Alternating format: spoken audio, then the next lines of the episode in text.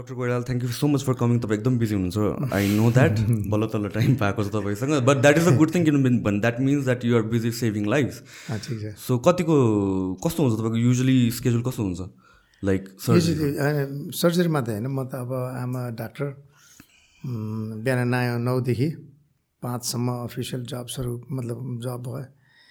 And then beyond that I do you know management some policy issues new project so the lot of things that I have to keep up with every day so it's a day remains pretty busy because like म मैले नबुझ्न सक्ने कुरा या relate गर्न सक्ने कुरा के हो भने चाहिँ most of first couple of weeks yeah couple of मन्थ्सको बिजी स्केड्युल म्यानेज गर्न सक्दैनौँ होइन? There are some of first like me जसले चाहिँ आफ्नो करियरको फोर फाइभ इयर्स चाहिँ बिजी भएर जस्तो तसरी कटायौँ कि because we had I had a hope कि लाइक फोर फाइभ इयर्सपछि मेरो लाइफ अलिकता सेटल हुन्छ भनेर. But when it comes to someone like you day in and day out त्यो light at the end of the tunnel भन्ने कुरै छैन कि? You are going on and on and on how do you keep motivated what drives you it's interesting thing in my profession is my work keeps inspiring me किनभने I am able to help people on an every day basis it's taxing it's stressful it's time consuming सबै हो। समय लाग्छ। तर because you're able to help people then it also inspires you to do the same thing next day or you know even better next day and I have no choice mall come to that later on हामीसँग खासै धेरै चोइसै हुँदैन because रिसेसनमा जाने चोइसै छैन। At some point आउला जति बेला चाहिँ active practice professional practice highly taxing stressful अपरेसनको स्केड्युललाई अलिकति टोन डाउन गर्नु पर्ला। I am not thinking of that is yet तर हामीसँग धेरै चोइस हुँदैन त्यसैले यो काम त गर्नुभयो question is how do you cope up with that schedule how do you manage that होइन यो यो चाहिँ इम्पोर्टेन्ट कुरा हो तपाईँले भनेको चाहिँ। So if that's what you want no yeah of course तपाईँको लाइक हेल्थको कुराहरू आउँछ मेन्टल स्ट्रेसको कुराहरू आउँछ कसरी म्यानेज किन हाउ मेरो फन्डामेन्टल के छ भने सानैदेखि हो। I play sports I do sports I think any type of exercise with uh, you know vigorous exercise moderately vigorous exercise is a key to a lot of different problems key solution to a lot of different problems. Um, stress break गर्नलाई होइन दिनभरिको stress दिमागमा आउने हर तरहको ideas failures plans unmet agenda सबै चिजहरूले दिमाग खाइरहेको हुन्छ number one that kind of breaks that cycle two it keeps you fit three it keeps you sense of well being पसिना आउँछ नआयो फ्रेस हुन्छ अनि then it also has you know Effect on blood pressure control it has an effect on sugar control weight limitations. So, and you in general look fresher if you can add the other term, terms or bunny. If you keep, you know, doing sports, uh, you do, you know, bodybuilding and all, you look, तर हाम्रो यो यो एथलेटिक्सहरूको चाहिँ त्यस्तो देख्दैन होइन हामीहरू चाहिँ स्लिम मात्रै हुन्छ but but is great so I always keep an hour In the morning because mornings are predictable त्यसपछि प्रिडिक्टेबल हुँदै हुँदैन टाइम हाम्रो for my own health of course health does not end there त्यसपछि त अरू अरू पनि कुराहरू भन्ने हुन्छ। सो त्यो चाहिँ unless for example today I could not go because I my patient in ICU was sick and I had to attend so I could go in the morning तर त्यो सिचुएसनमा बाहेक नेसनल लेभलको इम्पोर्टेन्ट मिटिङ दुईवटा कन्डिसनमा हो where I don't do my sports nothing else stops me from going there होइन कहिलेकाहीँ त ठुलै कुरा परेर हुन्छ होइन? त्यो भएपछि के हुन्छ नि routine is go wake up freshen up pick your bag up go tennis I play tennis I play tennis अब पहिला पहिला म ब्याडमिन्टन खेल्थेँ। कलेजमा खेल्थेँ। अनि त्यो एक हिसाबको एडिक्सन हुन्छ स्पोर्ट्सको गरेन भनेदेखि एक्सर्साइज गरेन भने यु फिल सेक बडीले नै माग्छ त्यो। बडीले नै बिरामी बनाउँछ अनि दिनभरि लाउजी फिल हुन्छ। अफिसमा काम गर्नु मन लाग्दैन।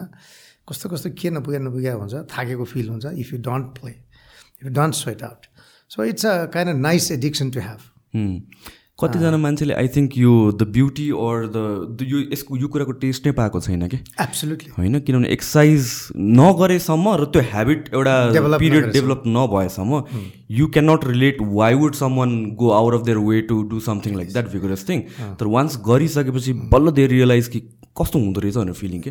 त्यसको हेल्थ बेनिफिट्स पनि फिल गर्नलाई टाइम लाग्छ। सुनेर त हुँदैन रहेछ। अनि मैले चाहिँ I been telling publicly, you know, last 20, 25 years. This is important. I keep doing this. People hear, people appreciate, people like it, smile at it, but they don't follow themselves. आफैले गर्दैन अनि त्यो बेनिफिट जति पाउनुपर्ने हाम्रो समाजको हाम्रो साथी दाजुभाइ दिदीबहिनीहरूले त्यो चाहिँ पाइरहेको हुँदैन जस्तो लाग्छ तर आई थिङ्क फेरि पनि म रिपिट गर्छु through your podcast it's something that everybody has to pursue everybody any age so vigorous हुनु पर्दैन. You can jog you can run you can walk brisk walking you can just walk or play some games अब मलाई चाहिँ नि jogging boring लाग्छ। It's monotonous monotonous हुन्छ। एक्लै कति थकाइ लाग्छ कम गरेन भयो धेरै गरेन भयो। यु टेन टु बी अल्छी। अलिअलि अल्छी भइहाल्छ मान्छेको nature so you know it's peer pressure हुँदाखेरि जहिले पनि peer attraction peer support peer pressure यो चिज चाहिँ एकदम इम्पोर्टेन्ट चिज रहेछ। जे कुरामा पनि। किनभने समूहले ग्रुपले मान्छेलाई आकर्षक बनाउँछ। अनि ऊ आज खेल्ने त्यहाँसँग भनेपछि त्यो गएर दौडेर सेन्स अफ कम्पिटिसन पनि हुन्छ। अनि एन्ड एन्ड मजा अबाउट स्पोर्ट्समा set that number of times before फेरि पनि भन्छु। स्पोर्ट्स भनेको चाहिँ every is equal on the ground is no hang up मलाई मेरो जुनियर भाइले या साथीले या कतैको एउटा अलिकति लो कि जब गर्ने साथीले मलाई मजासँग धुलाइदिएर हुन्छ and I have to take it होइन that's the beauty of sports होइन you it teaches you to be discipline although सबै त डिसिप्लिन बन्दैन नि स्पोर्ट्स गर्दैमा होइन? म पनि त्यो सर्दमा मलाई पनि त्यो अलिअलि बोर्डर लाइन छ। तर I think it's a it's a rule अर्को फाइनल कुरा about sports we can go to next स्पोर्ट्समा हामीलाई सिकाउँदाखेरि अब खेलेकै अलिकति कोचिङ गरेर स्ट्रक्चर ट्रेनिङ गरेकोहरूलाई चाहिँ सिकाउने चिज चाहिँ it is not over until it is all over भन्थ्यो यो चाहिँ प्रोफेसनल लाइफमा नि खुब काम लाग्छ। मेरो मेडिसिनमा त झन् काम लाग्छ। म अर्को प्रसङ्गमा भनौँला यो स्पोर्ट्स भन्ने खेल्दाखेरि चाहिँ यस्तो हो कि कम्पिटेटिभ स्पोर्ट्स चाहिँ त्यो लास्ट पोइन्ट पनि नहारेर गेम ओभर भनेर अम्पायरले डिक्लेयर नगरेसम्म चाहिँ you continue to fight that's a lesson you continue to fight This is one. It's not over until it is all over, and that's a very important lesson for your personal life also, hmm. professional life also. So sports teaches you a lot of things: discipline, fitness, relationship, equality, and uh, not giving up until the end. I think very important personal लाइफमा मैले पनि realise गरेको it's like हुन्छ नि यो any sort of vigorous activities or sports in general नै भनौँ न इट इज मोर लाइक स्म though small victories add up के you get that confidence in real life र त्यो डिसिप्लिन बिल्ड भइरहेको छ अनि it's not just limited to sport whatever you're doing त्यहाँ क्यारी ओभर गर्न सकिन्छ कि so it's a very amazing thing for your personal philosophy as well I I you know I won't say that that confidence I can translate to अरू sphere of my professional practice I think you're right अनि त्यहीभित्र पनि फेरि spectrum छ। फनको लागि खेल्ने र कम्पिटेटिभमा खेल्ने म्याचेस खेल्ने टुर्नामेन्ट्स खेल्ने अडियन्सको अगाडि खेल्ने या गुपचुप क्वाइटली खेल्ने। तर lot of psychological pressures on it but if you are used to playing in front of the audience you you get used to audience अनि त्यसपछि त्यसले अलिकति कन्फिडेन्स पनि दिन्छ पब्लिक स्पिकिङमा पब्लिक लाइफमा पनि. आई थिङ्क त्यसको अरू एडिसनल बेनिफिट्स थियो so I think it's it's a fundamental in my view दुनियाँ विकसित देशहरूको एउटा नोन र रुटिन हुने र हामीले हाम्रो देशमा पनि गर्नुपर्ने एउटा काम चाहिँ त्यो हो र it it helps our health in multiple different ways गाउँमा खेतबारी गरिरहनु पर्ने मान्छेलाई त्यस्तो स्ट्रक्चर हिसाबले भन्नु जरुरी छैन होला। बट अगेन त्यो पनि कम भइरहेछ आजकल होइन? त्यसैले सहरी क्षेत्रहरूमा त र विशेष गरी तराई क्षेत्रमा यसलाई हामीले एउटा मन्त्रको रूपमा राख्ने नै ठिक हुन्छ। यसले it will help make our society healthier in general कुरा सिम्पल इफेक्ट ठुलो छ हो so you are known as the pioneer of open heart surgery नेपालमा। ओके होइन? सो त्योभन्दा अगाडि ओपन हार्ट सर्जरिजहरू किन what is open heart surgery actually explain यस्तो भयो। अब मलाई पायनियर भन्ने शब्द may or may not be right in fair I'm not the only one who did it मभन्दा अगाडि नेपालमा धेरै सिनियर सरहरू हुन्थ्यो जसले मुटुका अन्य अपरेसनहरू गर्नुहुन्थ्यो फोक्सोको अपरेसनहरू गर्नुहुन्थ्यो. They laid the foundation for growth of open heart surgery this country what is open heart हाम्रो जार्गोनमा चाहिँ मेडिसिनको जार्गोनमा चाहिँ a technology that allows us to stop the heart. मुटुभित्र छिरेर अपरेसन गर्नलाई you will have to stop the heart what happens if you stop the heart you die you die So, not letting the patient die, keeping him safe, as safe as he was before the operation, and in fact, better because he would fix the problem. त्यो technology use गरिकन keeping everything else safe you are allowed to enter into the heart that's open heart okay and that lot of things we do off pump भन्छ कहिले कहिले चाहिँ close heart भन्छौँ हामी होइन? त्यो पनि अर्को जार्गन हो where you can do lot of things on the heart बाइपासै पनि मुटु बन्द नगरिकन यस्तै गरी सर्फेसमा चलेकै मुटु बिट गरिरहेकै बेलामा यहाँ स्टेबिलाइज गरेर यहाँ बाइपास गर्न मिल्छ जोड्न मिल्छ। त्यो पनि अफ पम्प हो। त्यसलाई अफ पम्प भनेको मेसिनले गर्ने हुनाले हामी त्यसलाई त्यो भन्छौँ। कतिपय प्रोसिडियरहरू चाहिँ होल्सहरू बन्द गरिदिने या बाहिरको चाहिँ इन्फेक्सनको केही चिजहरू सफा गर्ने केही साँगुरो भएको पार्ट्सहरूलाई चाहिँ डिभाइड गरिकन फिक्स गर्ने। विभिन्न खाले procedure we can do without stopping the heart अनि तिनीहरूलाई हामी क्लोज हार्ट भन्छौँ। It's a very simple colloquial old you know terminology in many ways यो मिसनोमर पनि हो किनभने कम्प्लेक्स चिजहरू पनि आजकल चाहिँ मुटु बन्द नगरिकन गर्नु मिल्छ। But it's a very exciting area of course demanding so so तपाईँले सुरु सुरुमा लिड गर्दाखेरि मान्छेहरू धेरै धेरै सर्जरिज हुन्थ्यो नि क्यारे कहाँ हुने? हुने कुरै थिएन। आई रिमेम्बर मभन्दा पहिला विदेशी टिमहरू म भनेको टिचिङमा हाम्रो टिममा डाक्टर गोविन्द शर्मा लिडर हुनुहुन्थ्यो सिनियरिटीको हिसाबले बट ट्रेनिङको हिसाबले I came as trained surgeon B M Singh हुनुहुन्थ्यो। तर त्योभन्दा अगाडि चाहिँ टिम वीर हस्पिटलमा पनि लोकविक्रम थापा त्योभन्दा अगाडि दिनेशनाथ गङ्गलहरूले दे लेट द फाउन्डेसन अलिअलि अलिअलि क्लोज हार्ट सर्जरीहरू गर्नुहुन्थ्यो। विदेशीहरूको टिम आउँदा उहाँहरूले अलिअलि ओपन हार्ट गर्नुहुन्थ्यो। त्यस अर्थमा चाहिँ there were some work going on तर प्योरली नेपाली टिमले कम्प्लिट ओपन हार्ट सर्जरीको सेटअप सुरु गरेर इन्डिपेन्डेन्ट टिमबाट गरेको चाहिँ हामीले टिचिङमा हो ninety सेभेनदेखि so you know we contributed little bit to this technology अन्त त्योदेखि अहिलेसम्म आउँदै गर्दाखेरि पछि फेरि बिचमा म बाहिर गएँ। अनि गङ्गालालको चाहिँ एउटा फाउन्डेसनदेखि I think it really took a shape of a science, shape of a mass service त्योभन्दा अगाडि चाहिँ एनेक्डोटल स्मल नम्बर्स दस बिस हुन्थ्यो होला। त्यसैले यो चाहिँ इकोनोमिकल्ली फिनेन्सियली भाइबल प्रोजेक्ट भयो। In fact we save lot of national resources त्यसलाई नेपाली पैसा सायद बाहिर धेरै जान्थ्यो होला। मान्छेहरू बाहिर सर्च गर्नु बाहिर जान्थ्यो। जे गरे पनि जानै पर्ने। कि मर्ने कि बाहिर जाने हुन्थ्यो होइन? अथवा कि चाहिँ एकदम अपाङ्ग जस्तै भएर विकलाङ भएर बाँच्ने हुन्थ्यो। त्यो चिजमा चाहिँ अब ठुलो एउटा चेन्ज आयो। अफकोर्स त्यसले सबैले जानु रोकेको छैन होइन? रोकेको छैन किनभने सबैको आफ्नो आफ्नो चोइस छ क्षमता छ। अलिअलि कन्फ्युजन पनि होला नि त्यसभित्रका क्वालिटिजमा but by and large we किनभने नेपालमा मुटुको सेवा चाहिँ राम्रै स्थापित भएको भन्ने मैले भन्न सक्छु। र त्योभन्दा पनि महत्त्वपूर्ण पाटो चाहिँ तपाईँ मार्फत अब मैले फेरि दोहोऱ्याउनु जरुरी छैन। इट आवर जब तर एक्सेस सुनिश्चित गर्यो बिस वर्ष अगाडि मैले गङ्गालालमा पहिलोपटक डिरेक्टर भएर एन्ट्री गरिकन सेटअप बनाउँदै गर्दा हाम्रै मन्त्रीहरूले हामीलाई ए यत्रो फ्यान्सी कुरा महँगो कसले धान्ने पैसा त्यत्रो यहाँ पोस्टमार्टम गर्ने डाक्टर छैनन् देशमा भन्ने स्थिति थियो। सपोर्ट गर्न एकदम गाह्रो हुने बिस्तारै कन्भिन्स गर्दै जाँदाखेरि कि यो निडेड चिज हो थुप्रो बिरामीहरू छन् मान्छे मरेर आउँछ एक्सपेन्सिभ छ त्यसैले बाहिरै जान्छ पैसा। भन्दै गर्दै सर्भिस डेलिभरी गर्दै गरेपछि वर्ड अफ माउथले नै अफकोर्स मिडिया हेल्प नेपालभित्रै यो एकदम पपुलर भएर आयो इनफ्याक्ट आजको दिनमा नेपालमा हुने सबै मृत्युको पाँच भागको एक भाग twenty percent eighteen to twenty percent of all deaths due to cardiovascular disease heart र भेसल्सहरूको heart attacks strokes you know अरू vessel डिजिजले one fifth of the deaths हुन्छ नेपालमा. त्यो भने massive so if you can only handle these धेरै राहत हुन्छ नेपालीलाई. त्यसको प्रिभेन्टिभ कुरा पनि छन् अपरेसन मात्रै कुरा होइन. शान्ति नै कुरा गरिकन बचावट गर्न सकिन्छ. We may talk about that little bit later होइन.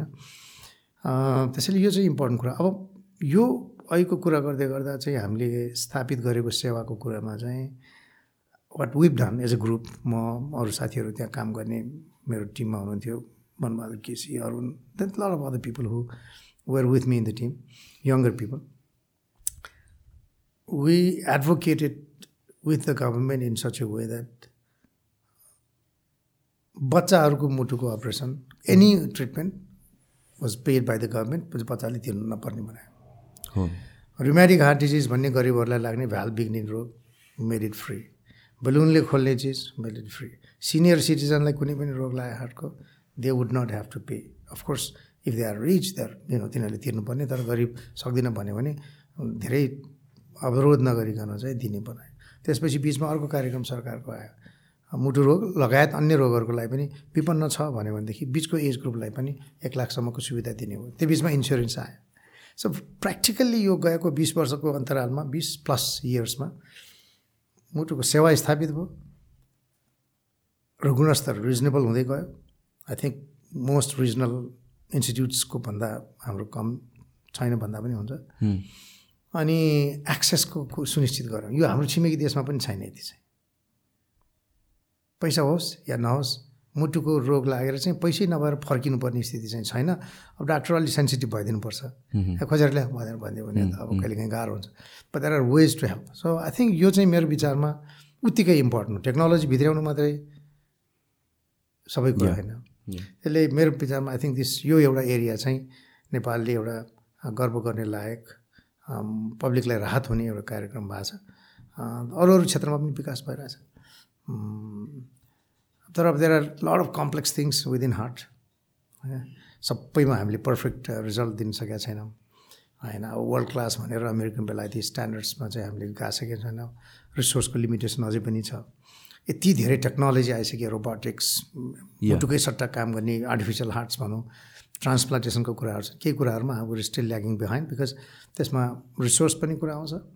अनि फेरि खल्तीबाट तिर्नुपर्ने कुराहरू चाहिँ कतिपय ठाउँमा बाँकी रहेको हुनाले यो यो चाहिँ लिमिटेसन छ। But but I think for vast majority of the patients and the cases I think we can take care of people it's it's more accessible absolutely absolutely हाम्रो हाम्रो लिमिटेसन जुन पहिला थियो र अहिले पनि भनौँ न डज इट लाई because of resources or more technical both I think हामीले के चाहिँ बुझ्नुपर्छ भने नेपालमा एकदम राम्रो डाक्टर छन् मात्रै भनेर पनि भएन राम्रो डाक्टर छन् एन्ड पोटेन्सियली ट्रेनेबल डाक्टरहरू हुनुहुन्छ। तर रिसोर्स पनि त्यतिकै कुरा हो। कस्तो हो भने यो पेमेन्ट मोडालिटी भन्छ होइन? यो इन्सुरेन्सहरू विकसित नभएको कारणले मान्छेले चाहिँ पैसा सरप्लस पनि नहुने कानुनले बाध्यता पनि नगरिदिने अनि आज स्वस्थ छौँ तपाईँ म वा would I pay premium for possible future illness हामी एकदम छोटो बुद्धि तिमी दुई दिन मात्रै हेर्ने प्लान लङ टर्म के हुन्छ नसोच्ने देशको भविष्य नसोच्ने आजै जे छ झ्याप्झ्याप पार्ने हाम्रो त कल्चर यस्तो नै भयो। आफ्नै स्वास्थ्यको बारेमा पनि त्यस्तै लङ टर्म सुनिश्चितता गर्ने त के पनि नगर्ने। बिरामी भयो भने यता खोज्यो त्यता खोज्यो ब्याङ्क ब्यालेन्स छैन भने ऋण खोज्यो अनि हातमा पोका पैसा बोकेर गएर उपचार गर्ने। That's the payment modality point of care भन्छ। पोइन्ट अफ डेलिभरी अफ केयरमा चाहिँ पैसा निकाल्नुपर्ने। द्याट्स द प्रब्लम त्यो सिस्टम चाहिँ नि गलत किन हो भने कोही पनि मान्छेले रिजर्भ रिजर्भ राखेर ब्याङ्कमा म बिरामी होला र म पच्चिस लाख रुपियाँको उपचार गराउँछु भनेर जम्मा गर्ने कसैले गर्न सक्दैन। हुन्छ धेरै कतिलाई थोरैलाई भास्ट मेजोरिटीलाई त्यो सम्भावना हुँदैन। सो त्यसको लागि चाहिँ मेकानिजमले नै होइन बाध्यात्मक हिसाबले उनीहरूको प्रिमियम तिरेर रिस्क पुलिङ गरेर एउटामा चाहिँ इन्सुरेन्सको मोडलबाट धेरैले त्यसलाई इन्सुरेन्सको मोडल गर्छन्। कहीँ राष्ट्रिय कार्यक्रम छन् बेलायतको एनएचएस भनौँ। हाम्रो पनि केही राष्ट्रिय कार्यक्रम आए बिट्स एन्ड पिसेसमा। त्यो तरिकाले चाहिँ अप्ठ्यारो परेको बेलामा खल्तीबाट हाल्न नपर्ने गरी उपचार पाउने सुनिश्चितता भयो भने बल्ल हामीले कम्प्लेक्स टेक्नोलोजीमा जान सकिन्छ। नयाँ नयाँ कुरा ट्राई गर्न सकिन्छ। अब एकैचोटि चाहिँ ठुलो नयाँ टेक्नोलोजी ल्यायो भने बिस जस्तो भनौँ अहिले ट्रान्स क्याथेटर भ्याल्भ भ्याल्भ त हामीले ओपन हार्ट गरी गर्नुपर्छ। ल मानिलिउँ हामीले एन्जियोप्लास्टिक त अपरेसन गर्नु पर्दैन। मानिलिउँ एन्जियोप्लास्टिक गरेकै जस्तै तरिकाले नचिरिकन भ्याल्भ इम्प्लान्ट गर्ने टेक्नोलोजी प्र्याक्टिस भइरहेछ संसारमा। तर प्रब्लम त्यो एकदम महँगो छ। तिस पैँतिस लाख रुपियाँ चालिससम्म एउटालाई पर्छ। जब कि ओपन हार्ट सर्जरी गरिदियो भनेदेखि चार लाख टोटल कस्ट आउँछ। त्यो पनि कति चिज हाम्रो फ्रीमै छ। अलमोस्ट अल इज फ्री भनेपछि त्यत्रो महँगो चिज त मान्छेलाई कसरी तिराउने? कहिले तिर्न सक्छ? Very few people would be able to pay अनि त्यो चिजहरू चाहिँ इन्सुरेन्सको मोडल बाहेक खल्तीबाट तिराएर सम्भव हुँदैन। त्यसैले कतिपय टेक्नोलोजीका कुराहरू चाहिँ यो पेमेन्ट मोडालिटी र फिनेन्सिङ अफ हेल्थका कुराहरू छन्। अब अलिअलि नेपालले चाहिँ इनिसिएटिभ नल्या त होइन। होइन हाम्रो चाहिँ इन्सुरेन्स सुरु गरेको छ अरू अरू कुराहरू छन् तर I think we need to do a lot in the area of financing health त्यसमा अझै पनि सुधार गर्ने थुप्रै ठाउँ छ जस्तो लाग्छ मलाई। यो हार्ट एट्याक र स्ट्रोकमा डिफ्रेन्स के हो खासमा अब स्ट्रोक भन्नाले कमनली चाहिँ वी से स्ट्रोक फर ब्रेनको इन्फ्याक्ट ब्रेनमा ब्लड गएन भने part of the brain dies मर्छ नेक्रोसिस हुन्छ लिक्विड हुन्छ लिक्विफाई हुन्छ। त्यो चाहिँ स्ट्रोक भनिन्छ। Of course some people use heart stroke and brain stroke exactly that is कुरा चाहिँ अब त्यही हो। मेकानिजम एउटै हो. हार्टको नली ब्लक भएर मुटुको मासुलाई रगत पुगेन भने अनि त्यो मऱ्यो भने नेक्रोसिस भयो भने त्यो हार्ट एट्याक भयो। ओके त्यही चिजलाई हामीले ब्रेन एट्याक भने पनि भयो कुरा के भने ब्लड सप्लाई मुटुलाई दिइराख्यो भने न मसललाई काम गरिरहन्छ। काम गर्ने कन्ट्र्याक्ट गऱ्यो भने मसललाई ब्लड अचानक बन्द भयो भनेदेखि यो एरिया मर्न सक्छ। नमरिकन दुख्यो भने चाहिँ एन्जाइना मात्रै भयो। ओके दौड्दाखेरि चाहिँ दुख्ने छाती दुख्ने। त्यो चाहिँ कमी मात्रै भयो तर मसल मरेको छैन। त्यो चाहिँ स्केमिक हार्ट डिजिज अथवा एन्जाइना छाती दुख्ने। इफ सडनली यो चाहिँ केही कारणले यहाँभित्रको बोसो उछिटिएर एकैचोटि ब्लक गरिदियो तलतिर केही पनि जानु पाएन। भनेदेखि यो एरिया मर्छ नेक्रोसिस हुन्छ।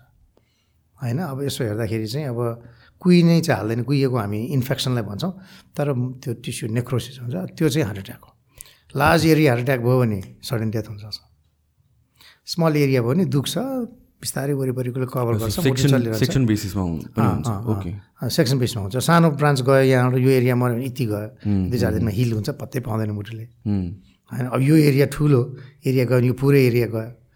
पुरै एरिया गयो भनेदेखि त चल्नै सक्दैन मुटु अचानक जान्छ त्यसैले स्ट्रोक भनेको चाहिँ त्यही चिज हामी ब्रेनको ब्लड सप्लाई गयो भने brain brain is so sensitive तिन चार मिनट पाँच मिनटसम्म ब्लड सप्लाई बन्द भयो भने त्यो एरिया डेड भइसक्छ ड्यामेज भइसक्छ। वरेज हार्टले चाहिँ it's more.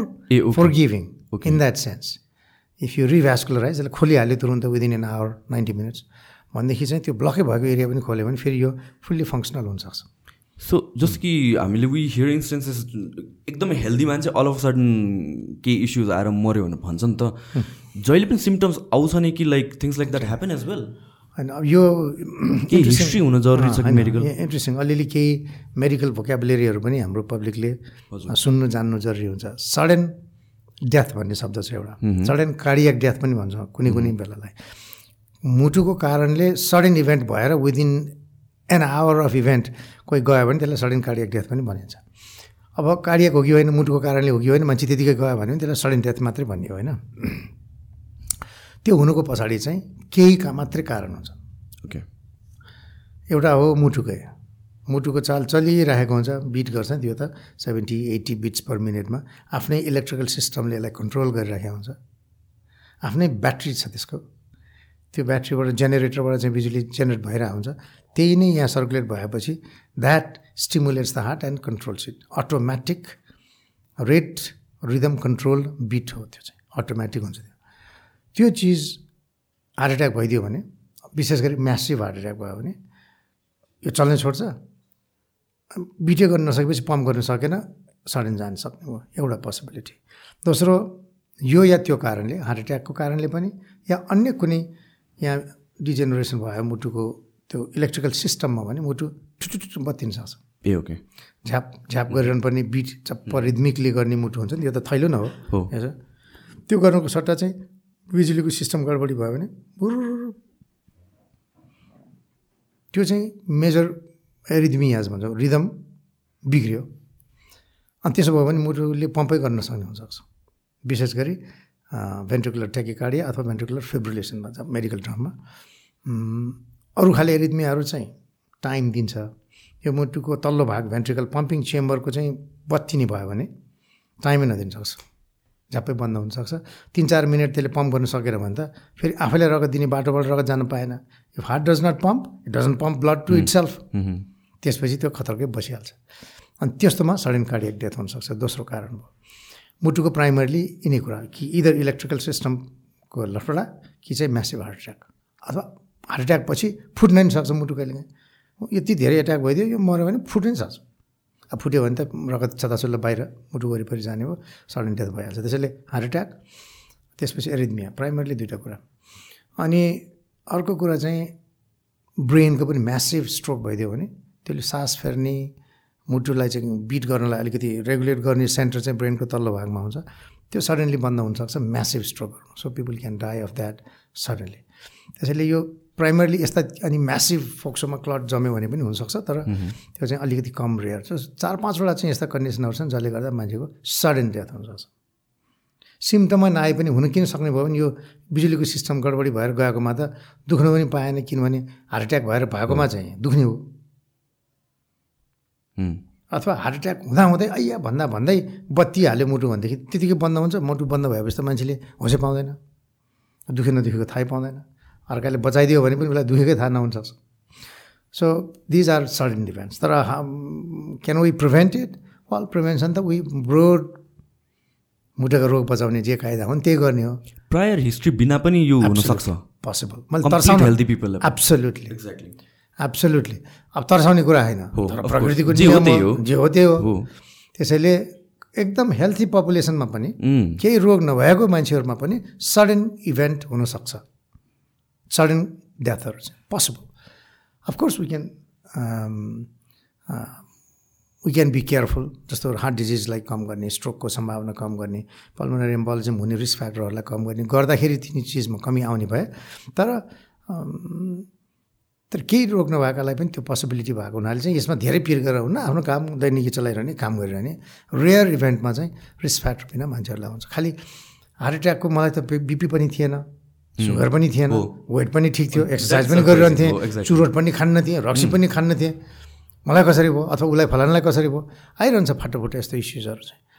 त्यसमा जेनेटिक फ्याक्टरहरू चाहिँ थिए होलान् विच हामीले टेस्ट गर्ने गरेका छैन कमर्सियल्ली धेरै एभाइलेबल पनि छैन अब चाहिँ त्यो पनि आउँदैछ। जेनेटिक टेस्टिङहरूबाट पनि कसको हार्ट एट्याक हुनसक्छ भन्ने रिस्क फ्याक्टर पत्ता लगाउने पनि कायदा आइसकेको छ। तर लेट्स चाहिँ त्यो नहुँदाखेरि पनि रिस्क फ्याक्टर हामीले भनेका रिस्क फ्याक्टरहरू जोखिमका सूचकहरू चाहिँ नभएको मान्छेलाई पनि हुनसक्ने भयो। हार्ट एट्याक एक अथवा सडन कार्डियक इभेन्ट त्यसलाई चाहिँ जेनेटिक रिस्क फ्याक्टरहरू छ भनेदेखि त्यतिकै हामीले जानेको रिस्क फ्याक्टर बिना पनि एट्याक हुनसक्छ। त्यो चाहिँ पोसिबल सो यसलाई त हामीले will have to just take it accept and move on आफ्नो हातमा जे कन्ट्रोल छ त्यो चाहिँ प्रिभेन्ट गर्नु पऱ्यो जस्तो कि अब यस्तो इमर्जेन्सी सिचुएसनमा घरमै केही गर्न सकिने त्यस्तो केही छ कि छैन? के गर्न सक्छ लाइक हस्पिटल पुगाउनु जेलसम्म एब्सोल्युटली यो पनि अर्को महत्त्वपूर्ण कुरा हो होइन। अब रिस्क फ्याक्टर धेरै भएका चोट खाने मान्छे उमेर पुगेको मेल जेन्डर होइन? मेल जेन्डरलाई अलिकति बढी हुन्छ। फिमेल्सलाई भन्दा मेललाई हार्ट एट्याकको रिस्क अलिकति बढी हुन्छ? Genetically genetically female hormones are more protective हर्मोनहरू जुन छ अनि त्यस्तो ब्याकग्राउन्ड भएको सुगर छ प्रेसर पनि थियो। कोलेस्ट्रोल हाई थियो। एउटा कुरा ठ्याक्क छ हामी तपाईँले भन्नुभयो नि यो मेल हर्मोनको कारणले। इज दिस वाइ बाहिरको बडी बिल्डर्सहरूको वी हियर एनाबोलिक स्टेरोइडको कारणले अब्युजको कारणले डेथ भयो भनेर? क्यान द्याट त्यो त्यो पनि त्यो त अर्कै एब्युज त अर्कै कुरा भयो। हामीले नर्मल फिजियोलोजीकै कुरा गरौँ न अहिले हाम्रो मेल र फिमेलको तर कुरा के भने सिक्सटी प्लसको मेलमा चाहिँ हार्ट एट्याकको रिस्क जेनरल्ली यङ फिमेल्सभन्दा बढी हुन्छ त्यो चाहिँ ठिक छ? अब मैले के भन्न खोज्दै थिएँ भने यो रिस्क फ्याक्टरहरू चुरोट खाने ओभरवेट छ एक्सर्साइज गर्दैन सुगर छ प्रेसर छ कोलेस्ट्रोल छ। अथवा जेनेटिक फ्यामिली हिस्ट्री अलिक स्ट्रङ छ भनेदेखि उनीहरूको रिस्क बढी हो त्यस्तो मान्छेमा चाहिँ छाती भारी भयो भनेर कम्प्लेन गर्ने बित्तिकै सबैले हामीले के सस्पेक्ट गर्नु पऱ्यो भने मेबी हार्ट एट्याक। अब त्यो हार्ट एट्याकको लक्षणहरू कस्ता छन् त्यो पनि म बताउँला। होइन सेन्ट्रल पेन हुन्छ कि यो युजली हार्ट एट्याक हुँदाखेरि चाहिँ छातीमा चिसिक्क चिसिक्क एक औँलाले देखाउन मिल्ने? न। अया न। यसो गर्दा दुख्यो? न। तिनीहरू चाहिँ हार्टको लक्षण होइन।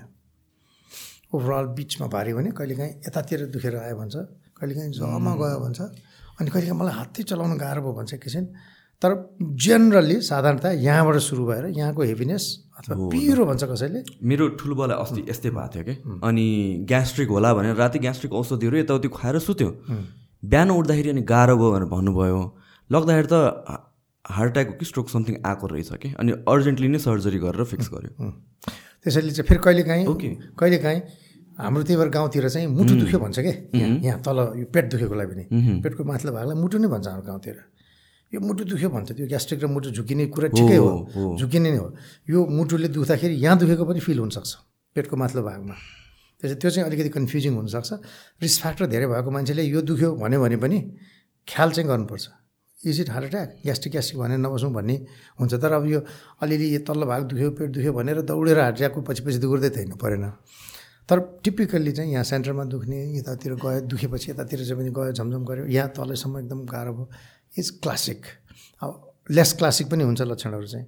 अलिअलि दुख्ने एक्सर्साइज गर्दा एकदम भारी हुने या बस्दा बस्दै चिटचिट पसिना आयो यहाँ कता कता अनकम्फर्टेबल भएको जस्तो वाक वाक लाग्ने मात्रै पनि हुन्छ अझ।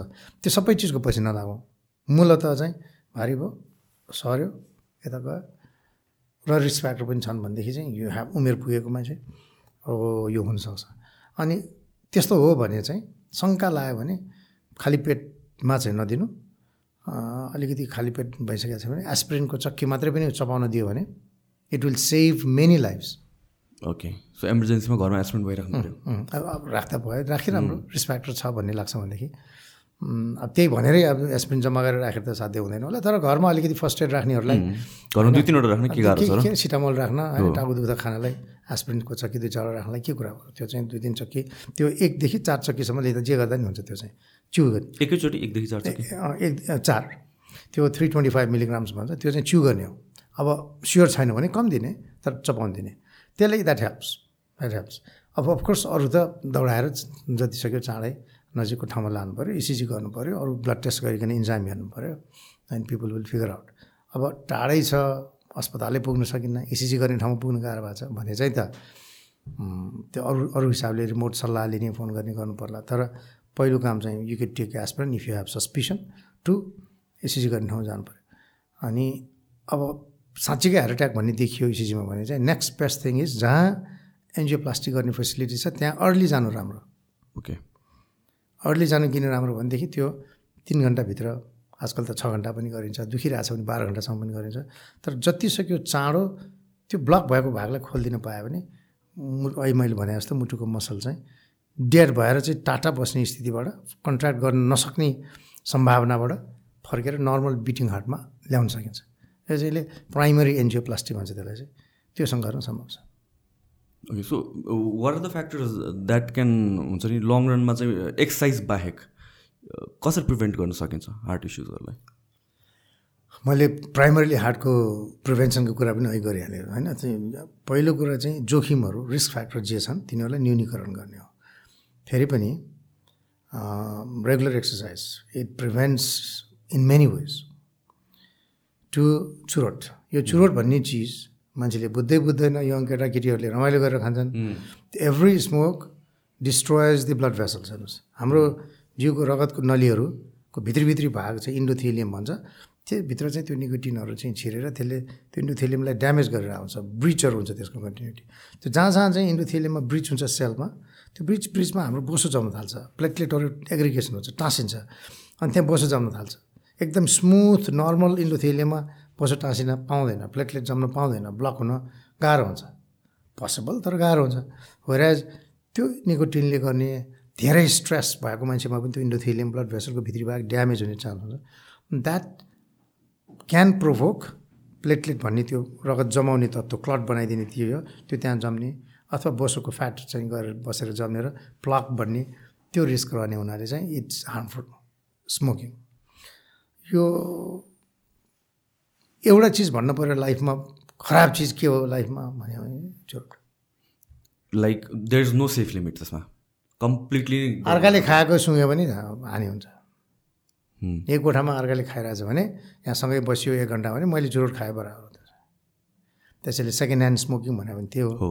It's a single most harmful thing you can imagine अब मान्छेले खान्छन् जति सम्झायो भने अब त्यसपछि अनि खैनी जर्दा सुर्ती कक्कड भुक्कड यो सब यो सब एउटै क्याटेगोरी हो। हल्का तलमाथि होला रिस्क फ्याक्टर फेरि चुरोटको हार्टमा मात्रै होइन त चुरोट खानेको त लङको क्यान्सर पेटको cancer bladder cancer पेनक्रियासको cancer and and what not. अनि त्यो भयो। दुई अनि वेट कन्ट्रोल वेट त एक्सर्साइजसँग पनि जोडिन्छ तर खानासँग पनि जोडिन्छ। डायट अनि हेल्दी फुड अब हेल्दी फुडको बारेमा मिक्स्ड ओपिनियन छ। धेरै जति बोले पनि सिधिँदैन यो कहानी चाहिँ होइन। पहिला मासु खराब भन्यो बोसो खराब भन्यो पछि कार्बोहाइड्रेट खराब छ भन्यो। But point is balanced healthy diet exactly र अहिले हामीले रियलाइज गर्नुपर्ने चाहिँ कार्बोहाइड्रेट आफै आलु भुजा दाल स्विट्स आर नट सेफ त्यसको पनि मात्रा लिमिट गर्नुपर्छ। यो चाहिँ भनौँ न हामीले अब अलि एजुकेट गर्नुपर्ने। र लिन मिट चाहिँ is not as bad as we use to say हो एक्ज्याक्टली लिन मिट। बोसो ए हाम्रो त फेरि बाख्राको छाला र बोसोसँग पकाउने? पकाउने पारा पनि फेरि त्यस्तै हुन्छ। त्यो त त्यो त त्यो डर लाग्दछ होइन? त्यो डर लाग्दछ। त्यो चाहिँ ठिक छैन। तर चाहिँ नि लिन मिट विशेष गरी व्हाइट मिटहरू लिन मिट क्यान बी ओके। हाम्रो फेरि डायटमा कार्बोहाइड्रेट एकदम बेसी छ नि है? हाम्रो त त्यो स्टेपल डायटदेखि भुजादेखि लिएर दाल भन्यो अनि आलु पनि अलिअलि परिहाल्छ तरकारीमा जहिले पनि आलु। यो सबै चिजले चाहिँ एडअप गर्छ र मोटोपन बढाउने चाहिँ आलु धेरै हो। या के अरे कार्बोहाइड्रेट धेरै हो। अब डायट त्यो भयो होइन? त्यसपछि अब भेजिटेबल्सहरूले रफेजले चाहिँ बल मुभ गराउँछ अनि अरू अरू कुराहरू हुन्छ वेट कन्ट्रोल गर्न मद्दत गर्छ। र डायटको चाहिँ खानाको स्के यो स्केड्युल यो एकदम इम्पोर्टेन्ट रहेछ। तपाईँले सोध्न खोजिरहनु भएको थियो हो, होइन तपाईँले चाहिँ नि मैले त आफैले निकाले चाहिँ साइन्स त होइन यो। यो त साइन्सले बाजे बराजुको पालादेखि हाम्रो देशमा भइरहेको। हो। कति शताब्दीौँदेखि प्र्याक्टिस हुन्थ्यो होला ऋषिमुनिको पालादेखि। हामीले त्यसलाई प्रमाणित गर्न नसकेर पछिल्लो समयमा हराइरहेको थियो। तपाईँ अहिले पनि गर्नुहुन्छ इन्टरमिडिएट फास्टिङ होइन म चाहिँ त अब यस्तो म मिलाएर खान्छु। म चाहिँ एकदम त्यो प्रो- प्रोटोकल आठ बजे अगाडि बाह्र बजे पछि ठ्याक्कै। त्यसमा त छैन किनभने बिहान टेनिस खेल्ने बेला मैले अलिकति खाइनँ भने मलाई रिङ्गट लाग्छ क्या त्यही भएर बिहान अलिकति चाहिँ म पेटमा हाल्छु which is not as per the intermittent fasting तर होइन ओभरअल डायट कम छ वेट घटाउनु छैन ठिक्क खानुहुन्छ हेल्दी फुड खानुहुन्छ भने त इन्टरमिडियन्ट फास्टिङ गर्नै बाध्य पनि भएन। तर intermittent fasting it's immune system strengthen गर्दो रहेछ फिल गुड गराउँदो रहेछ अरू बेनिफिट्सहरू रहेछ होइन। अब यो धेरैचोटि पब्लिक पनि भइसकेको कुरा हो। साइन्सले जताततै आजकल त खुब भनिरहेछन् डायबिटोलोजिस्ट इन्डोक्रिनोलोजिस्टहरूले अनि यसलाई चाहिँ पपुलराइज गरिरहेछन्। म त हार्टको मैले धेरै डायबिटिसको डाक्टरहरूलाई को सट्टामा मैले धेरै बोल्न सुहाएन सुगर भएको मान्छेको सुगर घट्छ भन्ने डराउँछ। तर वाट दे से इज यो औषधि you can take off medicines if you practice this insulin resistance घटाएर इन्सुलिन सेन्सिटिभिटी बढाएर सो थोरै इन्सुलिन बन्दाखेरि पनि सुगर कन्ट्रोल हुने बनाउँदो रहेछ क्या यसले चाहिँ इन्टरमिडियन्ट फास्टिङले यसैले आइडिया इज सोह्र आठ होइन?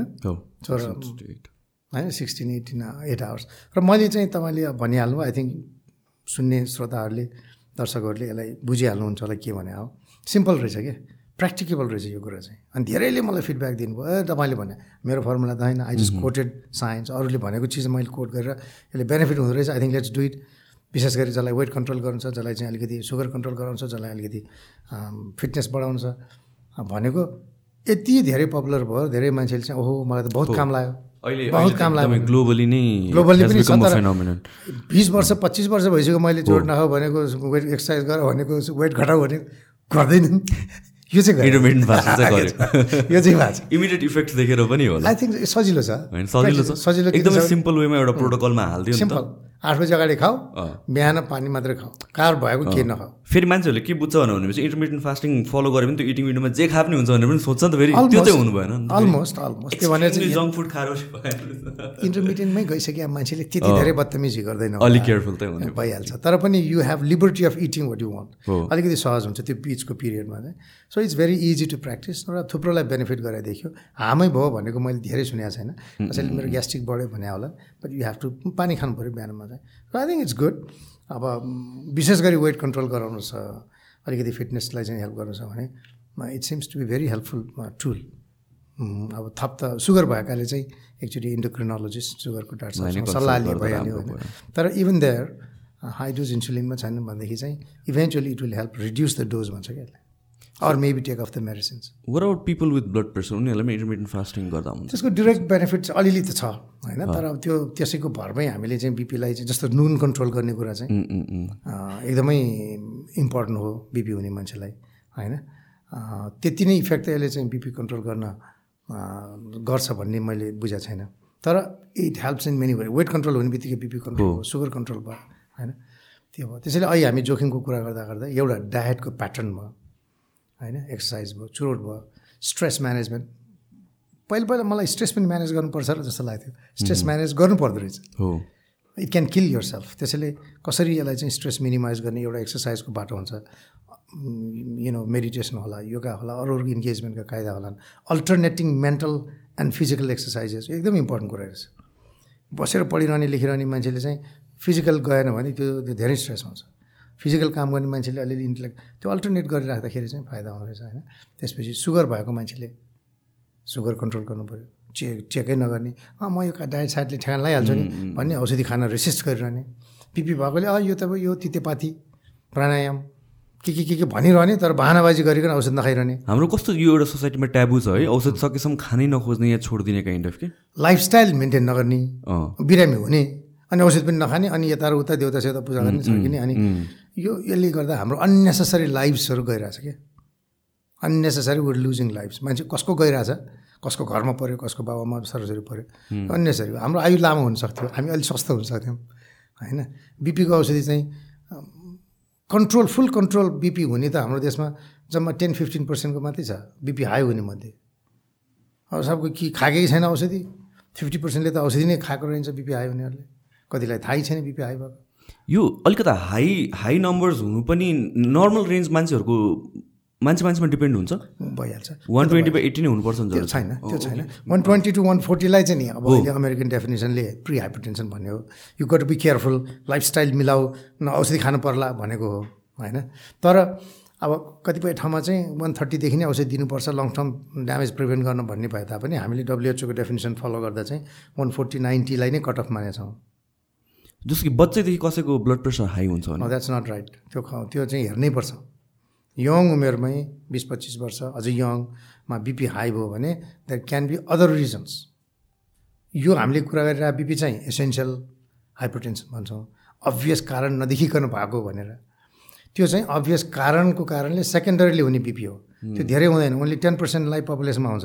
तर त्यो हो भने प्राइमेरी कारण हटाइदियो भने त ठिक हो so they need to be looked at त्यो हेर्नुपर्छ जस्तो मुटुको कुनै रोग हो तलको पाइप ब्लक छ भने यताको बिपी बढिरहेको हुन्छ ए ओके ओके। होइन किडनीको प्रब्लम छ भने बिपी बढाइ हुन्छ होइन किडनीको चाहिँ नेफ्राइटिसहरू भनौँ या चाहिँ पोलिसिस्टिक किडनी डिजिज भनौँ त्यस्तै कुराहरू छ भने त्यो बिपी बढाइ हुन्छ हर्मोनल डिसब्यालेन्स छ र त्यहाँ इन्डोक्राइन सिस्टमको प्रब्लम छ ट्युमर छ त्यसमा त्यसले यति बिपी बढाउने तत्त्व निकाल्छ कि बिपी एकदम सुटअप गरेर आउँछ। त्यहाँदेखि अरू अरू कुराहरू पनि छन् हामीले हेर्नुपर्ने किडनीको आर्ट्री साँगुरो भयो भने अनि किडनीले रगत सलक्क पाएको छैन भने किडनीले चाहिँ त्यो रेनिन बढाउन थाल्छ त्यसले बिपी बढाउँछ। सो यङ उमेरमा बढेको बिपी चाहिँ विशेष तरिकाले जाँच्नुपर्ने हुन्छ। अनि त्यो प्राइमेरी कारण भेटियो भने फेरि त्यसलाई एलिमिनेट गर्न सक्ने सम्भावना हुन्छ।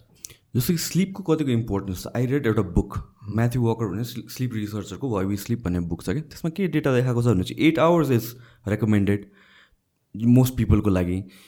सो वर एभर कोही सेभेन आवर्स सुत्छ कोही आठ घन्टा सुत्छ होइन वान आवरले पनि स्लिप डिस्टर्ब हुँदाखेरि if that continues on for quite some time the risk of heart attack goes up by twenty something percent which is ridiculous त्यो नम्बर त I would not be able to quote you होइन।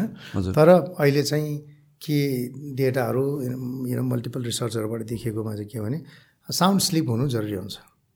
त्यो sleep चाहिँ अब हामी त प्रोफेसनको medical प्रोफेसनको मान्छे सधैँ रेगुलरली सुत्दै पाउँदैनौँ हामी त. त्यसै पनि रिस्कमा छौँ होइन? तर पनि चौबिस घन्टामा चाहिँ six to eight hours depending upon age जति एज बढ्दै गयो अलिक कम सुते पनि पुग्छ भन्ने छ। होइन? यङ मान्छेलाई एट आवर्सको कुरा हो। तर बिट्विन सिक्स टु एट चाहिँ साउन्ड स्लिप हुनु स्वास्थ्यको लागि महत्त्वपूर्ण कुरा हो। सधैँ chronic sleep deprivation is bad especially cardiovascular हेल्थको लागि चाहिँ नि इज ब्याड त्यो चाहिँ नि इम्पोर्टेन्ट हो. एज लङ एज अरू कुराले चाहिँ म्यानेज गर्न सकिन्छ भने it's it's nice to go to bed early have good sleep अनि अर्ली मर्निङ उठेर दौड्ने एक्सर्साइज गर्नु राम्रो. अब professionally were obligated do or जब त्यो त्यसलाई दिउँसो कम्पेन्सेट गर्न खोज्ने हो तर हामीले पाउँदैनौँ। अब पाउनेले दिउँसो कम्पेन्सेट गरे पनि हुन्छ। तर yes sleep is important unnecessarily late night बस्ने चाहिँ problem is not a good idea त्यो एट आवर्स स्लिप मात्र पुगे पुग्छ कि लाइक स्पेसिफिक यो टाइमदेखि यो टाइमसम्म त्यस्तो? त्यस्तो त्यस्तो हुँदैन? एक्सक्युज मी त्यस्तो चाहिँ I'm not aware particularly of course night टाइमको अलिक चाँडो सुतेर चाँडो उठ्यो भने हानि हुन्छ कि फाइदा हुन्छ? आएर न तर best thing is late night हुने बित्तिकै तपाईँको डिस्टर्बेन्स बिहान हुने सम्भावना बढिहाल्छ। So eventually you you can have a sound sleep so it's better to go early and then you know get up early morning त्यसपछि क्वाइट टाइममै सुत्दाखेरि क्वाइ राम्रो न- निद्रा हुने भयो नि त. Logically I mean I'm not aware of differential effects आठदेखि तिनसम्म सुत्ने कि. होइन दसदेखि चाहिँ पाँच बजीसम्म सुत्ने अब त्यसमा चाहिँ कति फरक छ I'm not aware but I think in general quieter the time easier to sleep. एउटा इन्ट्रेस्टिङ कुरा. अहिले जुन तपाईँले स्मोकको कुरा गर्नुभयो smoke is very harmful for health अहिले नेपालमा मेडिसिनल युज फर मेरोवानाको प्रपोज भइरहेछ। इज थिङ्क अबाउट द्याट अब म चाहिँ मलाई एकदम डर लाग्छ। Hmm. यसका साइन्टिफिक कुरा होलान् यो आखिर पेन किलर्सहरू पनि केही न केहीका एडिक्टिभ सब्सटेन्सेस हुन् तिनीहरू मेडिसिनमा प्रयोगै हुन्छन् होइन? उम्, तर कन्ट्रोल फेसनमा हुन्छन्।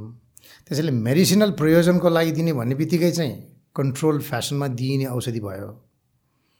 त्यसमा जे प्रडक्ट पनि सेफ प्रडक्ट निकालेर दिँदाखेरि त कन्ट्रोल फेसनमा आयो। तर रिक्रिएसनल युज अफ यो एडिक्टिभ सब्सटेन्स चाहिँ मलाई किन डर लाग्छ भने हाम्रो जस्तो हावादारी ताउर तरिका भएको ठाउँ no control no sense of responsibility no legalities enforced यहाँ हेवार हुन्छ जस्तो लाग्छ मलाई. मलाई त्यो डर हो। अब कन्ट्रोल फेसनमा पेनको लागि लङ टर्म चाहिँ पेन भइरहेको मान्छेलाई दिने कुराहरूमा अन्त अन्त कति ठाउँमा लिगलाइज गरेका छन् उम्, त्यो चाहिँ ठिक होला। मलाई I'm not I can I can not? Fathom the consequences of this in Nepal.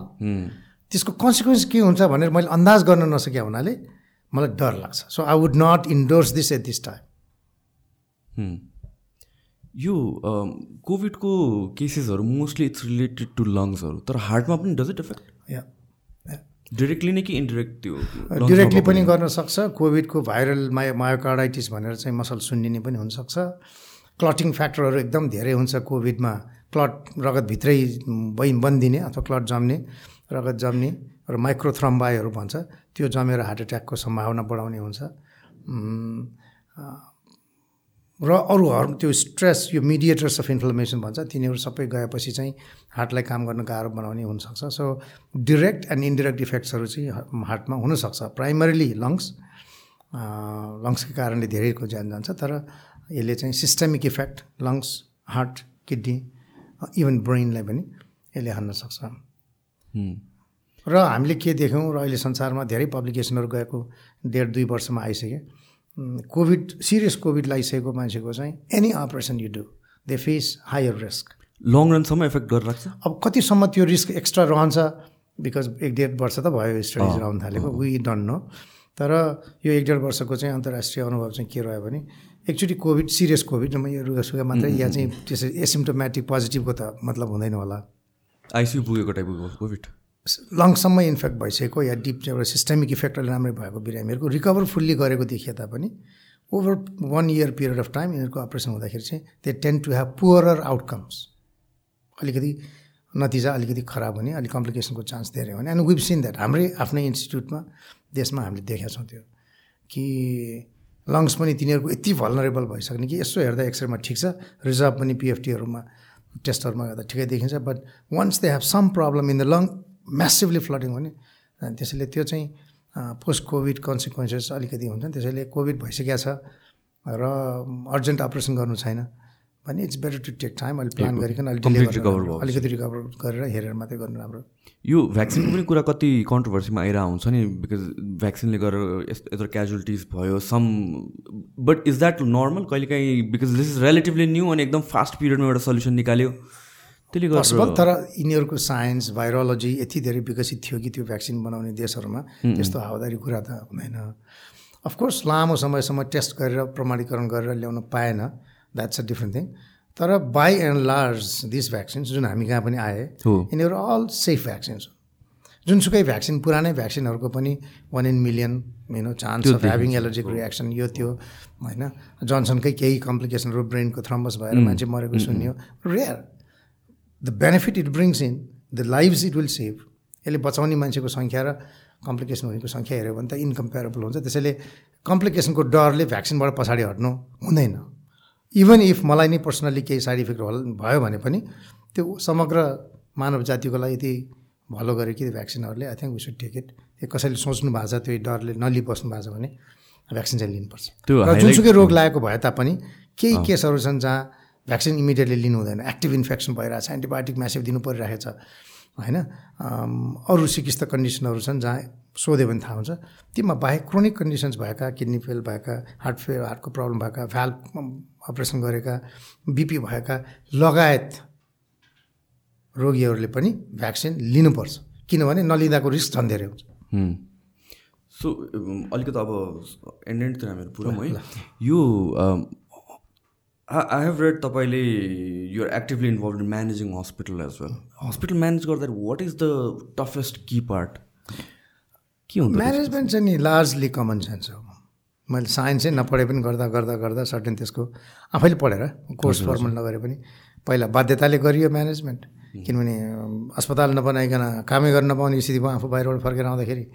त्यसपछि बिस्तारै बिस्तारै सिक्दै जाँदाखेरि we know there are fundamental things होइन? त्यसको चाहिँ रेभेन्यू जेनेरेसन स्ट्रिम कहाँ लिकेज कहाँ हुन्छ डिसिप्लिनको भ्यालु के हायरार्की मेन्टेन कसरी गर्ने टिम बिल्ड कसरी गर्ने ओनरसिप सबैको बिल्ड कसरी गराउने होइन? भ्याल्यु क्रिएट कसरी गर्ने sense of respect and sense of good feeling about your project कसरी बिल्ड गर्ने टिमभित्र मल्टिपल कुराहरू छन् त्योभित्र। As I said I'm not an expert it तर मैले अब done it for last twenty years plus in different sizes capacities times यो यो क्याजुअल र ट्रिभियल चाहिँ होइन। मैले आज मात्रै कसैलाई भन्दै थिएँ बिहान। You know managing hospital in a good way is a tough जब यहाँ एकैचोटि चाहिँ ढल सफा गर्नेदेखि लिएर सिनियर कन्सल्टेन्ट प्रोफेसर्सलाई म्यानेज गर्ने कुरा एकैचोटि आउँछ।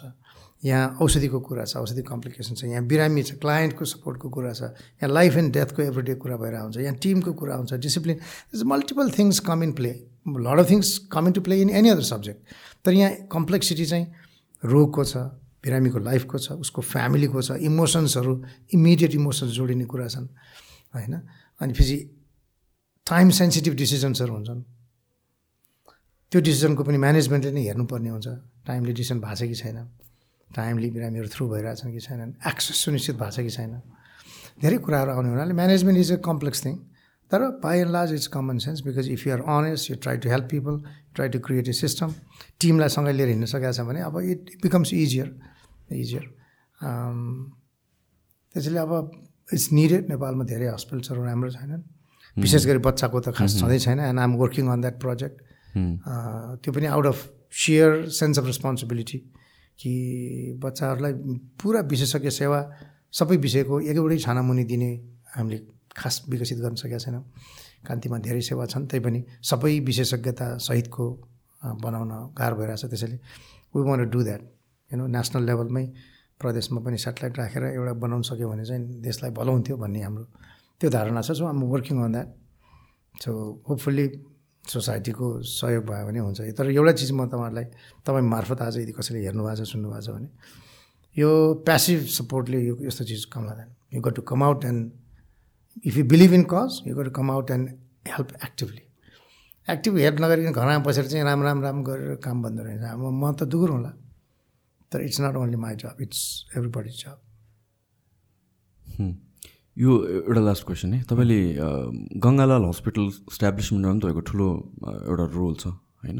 How did that come about the whole project Gangalal मात्रै होइन त्यसपछि पनि अरू अरू प्रोजेक्टमा पनि म धेरै इन्भल्भ भएँ। तर Gangalal was very interesting time मेरो लागि frankly speaking that was life and death professional life and डेथको कुरा थियो। किनभने त्यो सेटअप नहुँदाखेरि मैले त्यत्रो बाहिरबाट सिकेर आएको कुराहरू डेलिभर गर्न नपाउने हुन्थ्यो। So of course I had a compulsion to do that make it happen तर त्यो मात्रै होइन। गङ्गालाल त हामी सु फ्याक्ट्रीको टाइमबाट सुरु गरेको। कन्भर्ट गर्दै मोडिफाई गर्दै टिम बिल्ड गर्दै ट्रेनिङमा पठाउँदै आफैले काम गर्दै। अब होस्टाइल चाहिँ नि सोसाइटल एन्ड पब्लिक पोलिटिकल सिचुएसनभित्र पनि आफूलाई डिफेन्ड गर्दै रिजल्ट निकाल्दै पब्लिकको ट्रस्ट जित्दै एक्सप्यान्ड गर्दै। गरिबसँग पैसा छैन धनी आउँदैन। सेल्फ डिपेन्डेन्ट के अरे आत्मनिर्भर बनाउनु पर्ने सरकारले तलबमा पैसा दिँदैन थियो।